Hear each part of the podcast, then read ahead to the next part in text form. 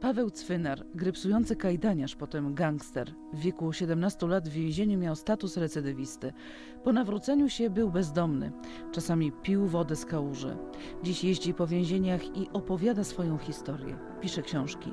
Walczy o życie wieczne.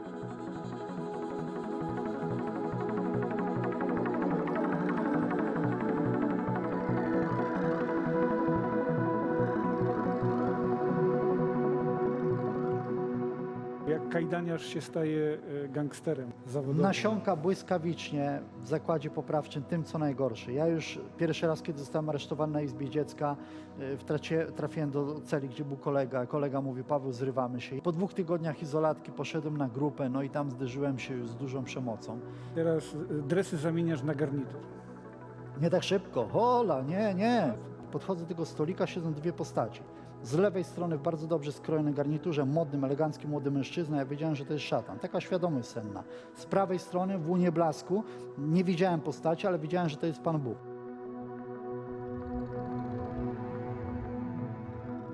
Witam Państwa serdecznie. Dzisiejszym gościem jest Paweł Cwynar. Witaj. Witam serdecznie.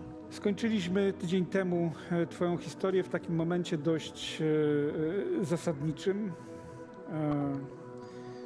Byłeś e, bandytą, gangsterem, recydywistą e, w więzieniu. Mm, Ktoś położył Ci parę kartek z Biblii i zaczęła się inna historia. Efektem jest to, że dzisiaj y, jeździsz po więzieniach i mówisz ludziom o Bogu.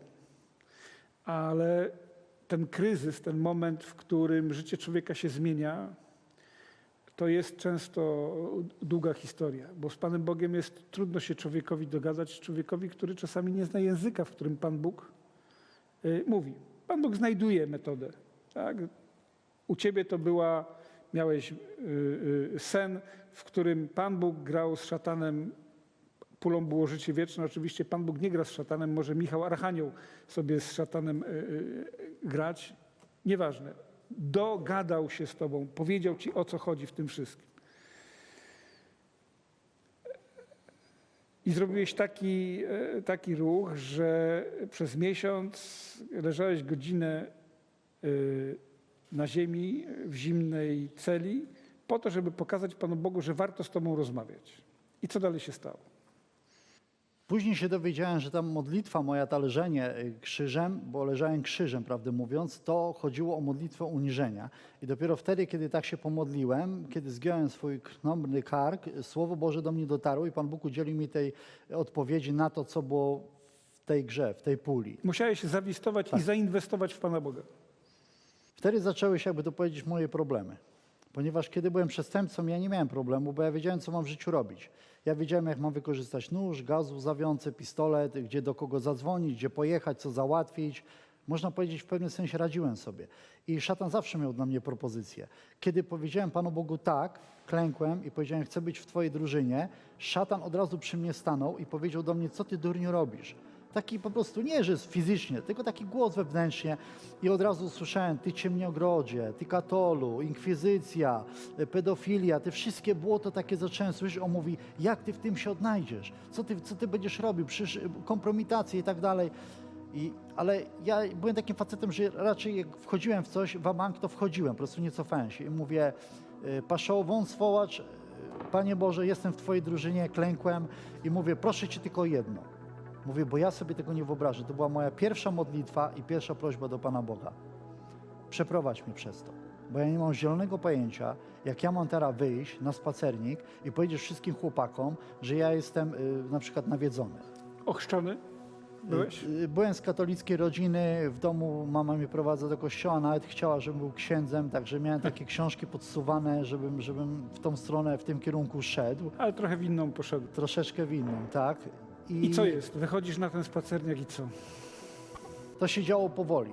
Na początku niedowierzanie. Chłopaki mówią, Paweł, słuchaj, tu jest interes taki, siaki, owaki. Mówię, poczekajcie chwilkę, bo 15 dochodzi, idę klepnę trzy różańce, tę koroneczkę i zaraz wrócę. I oni zaczęli tak troszeczkę, nie wiedzieli o co chodzi. I pan, ja do Pana Boga mówię, Panie Boże, jak ja mam to zrobić? Jak ja mam przez to przejść? A Pan Bóg takim, taką myśl mi podsunął, ironizuj, bo ja jestem ironistą, lubię się śmiać, jestem z natury wesołym człowiekiem. I Pan Bóg mówi, "I- ironizuj. Ja wtedy zacząłem właśnie troszeczkę, nie, nie kpiłem sobie z wiary, ale tak podchodziłem do tego żartobliwie. I chłopacy podchodzą, mówią, Paweł, słuchaj, wchodzą teraz waty. Na wacie ma 100 tysięcy miesięcznie. Materiały budowlane, to tamto. Ja mówię, słuchajcie, zaraz pogadamy. Aha, tu wybiła, idę tam. Gdzie idziesz? A, dwa różańce tamtego. I oni powoli zaczęli mi tak przepinać łap, łatkę wariata, że ja po prostu zwariowałem.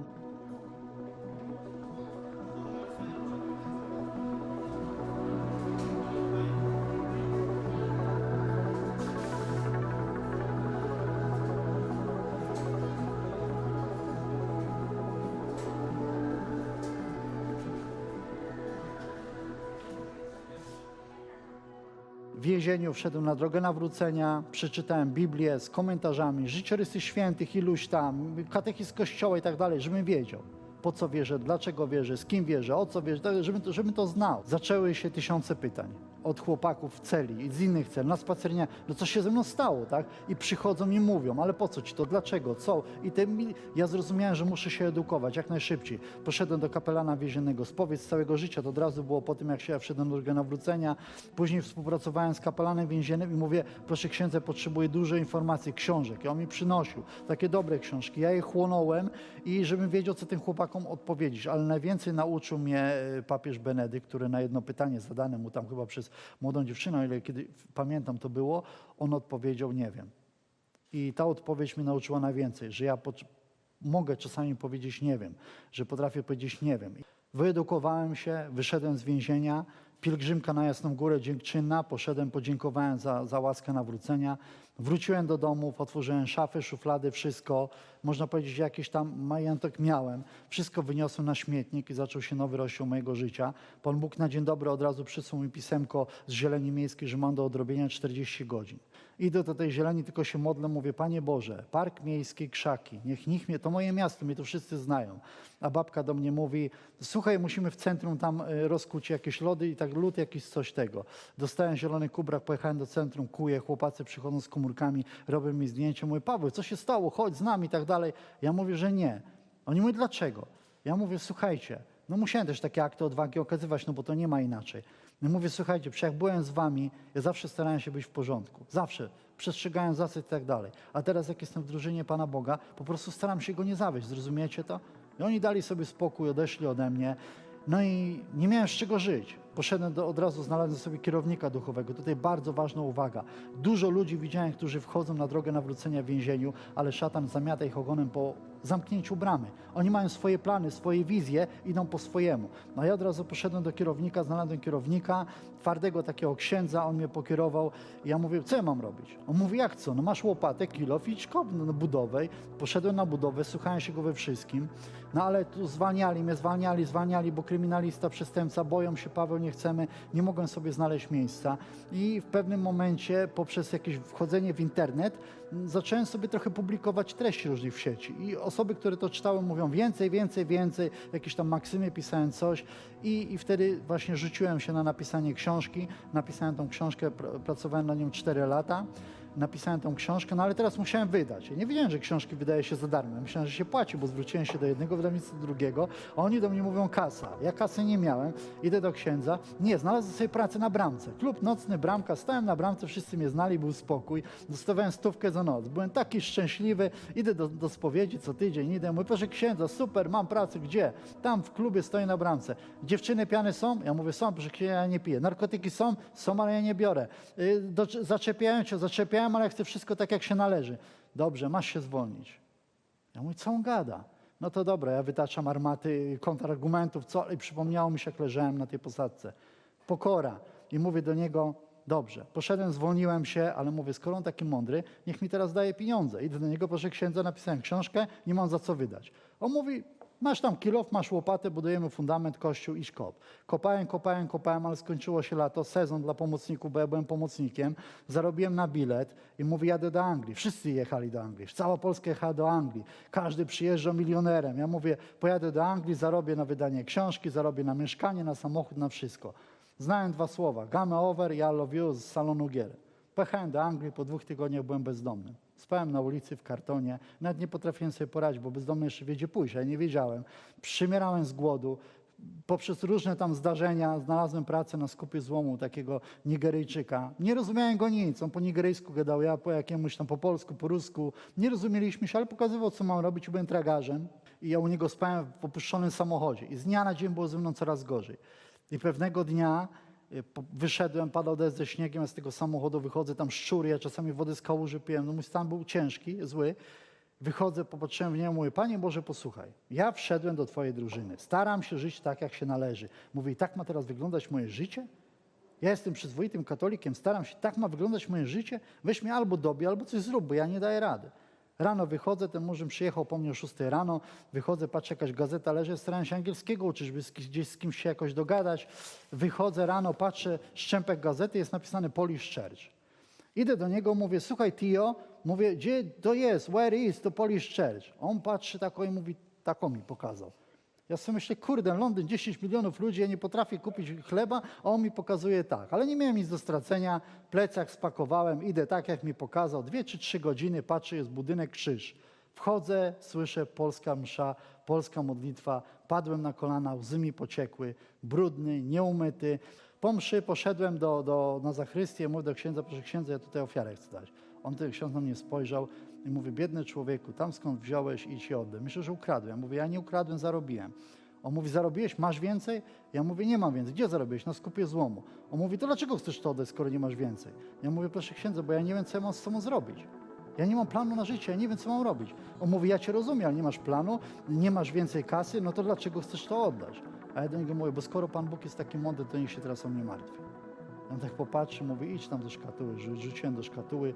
Przyjechał po mnie, po dwa, za dwa dni przyjechał po mnie, zawiózł mi jakieś dokumenty, mi powyrabiał.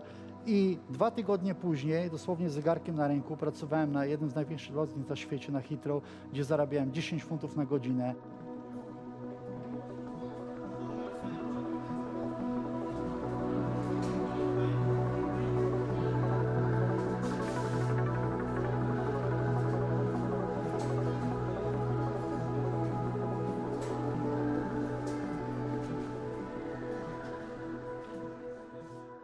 Picie w zachwycie, facet wpada w dziurę.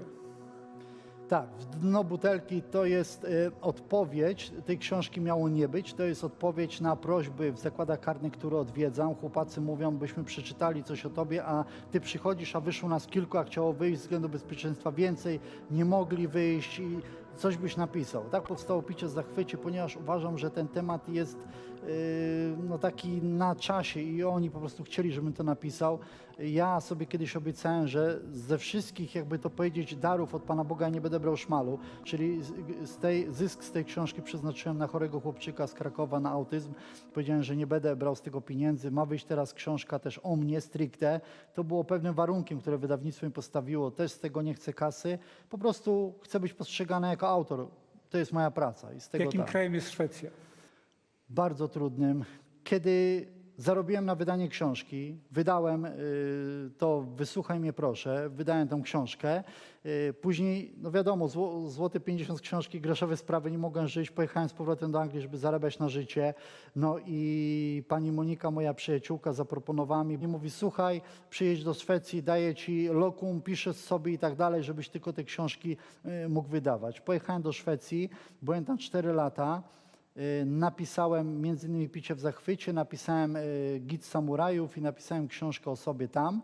No i zjechałem z Szwecji tutaj, dlatego że miałem dużo zaproszeń na świadectwa. Moją misją są właśnie zakłady poprawcze i karne, to jest moje podwórko.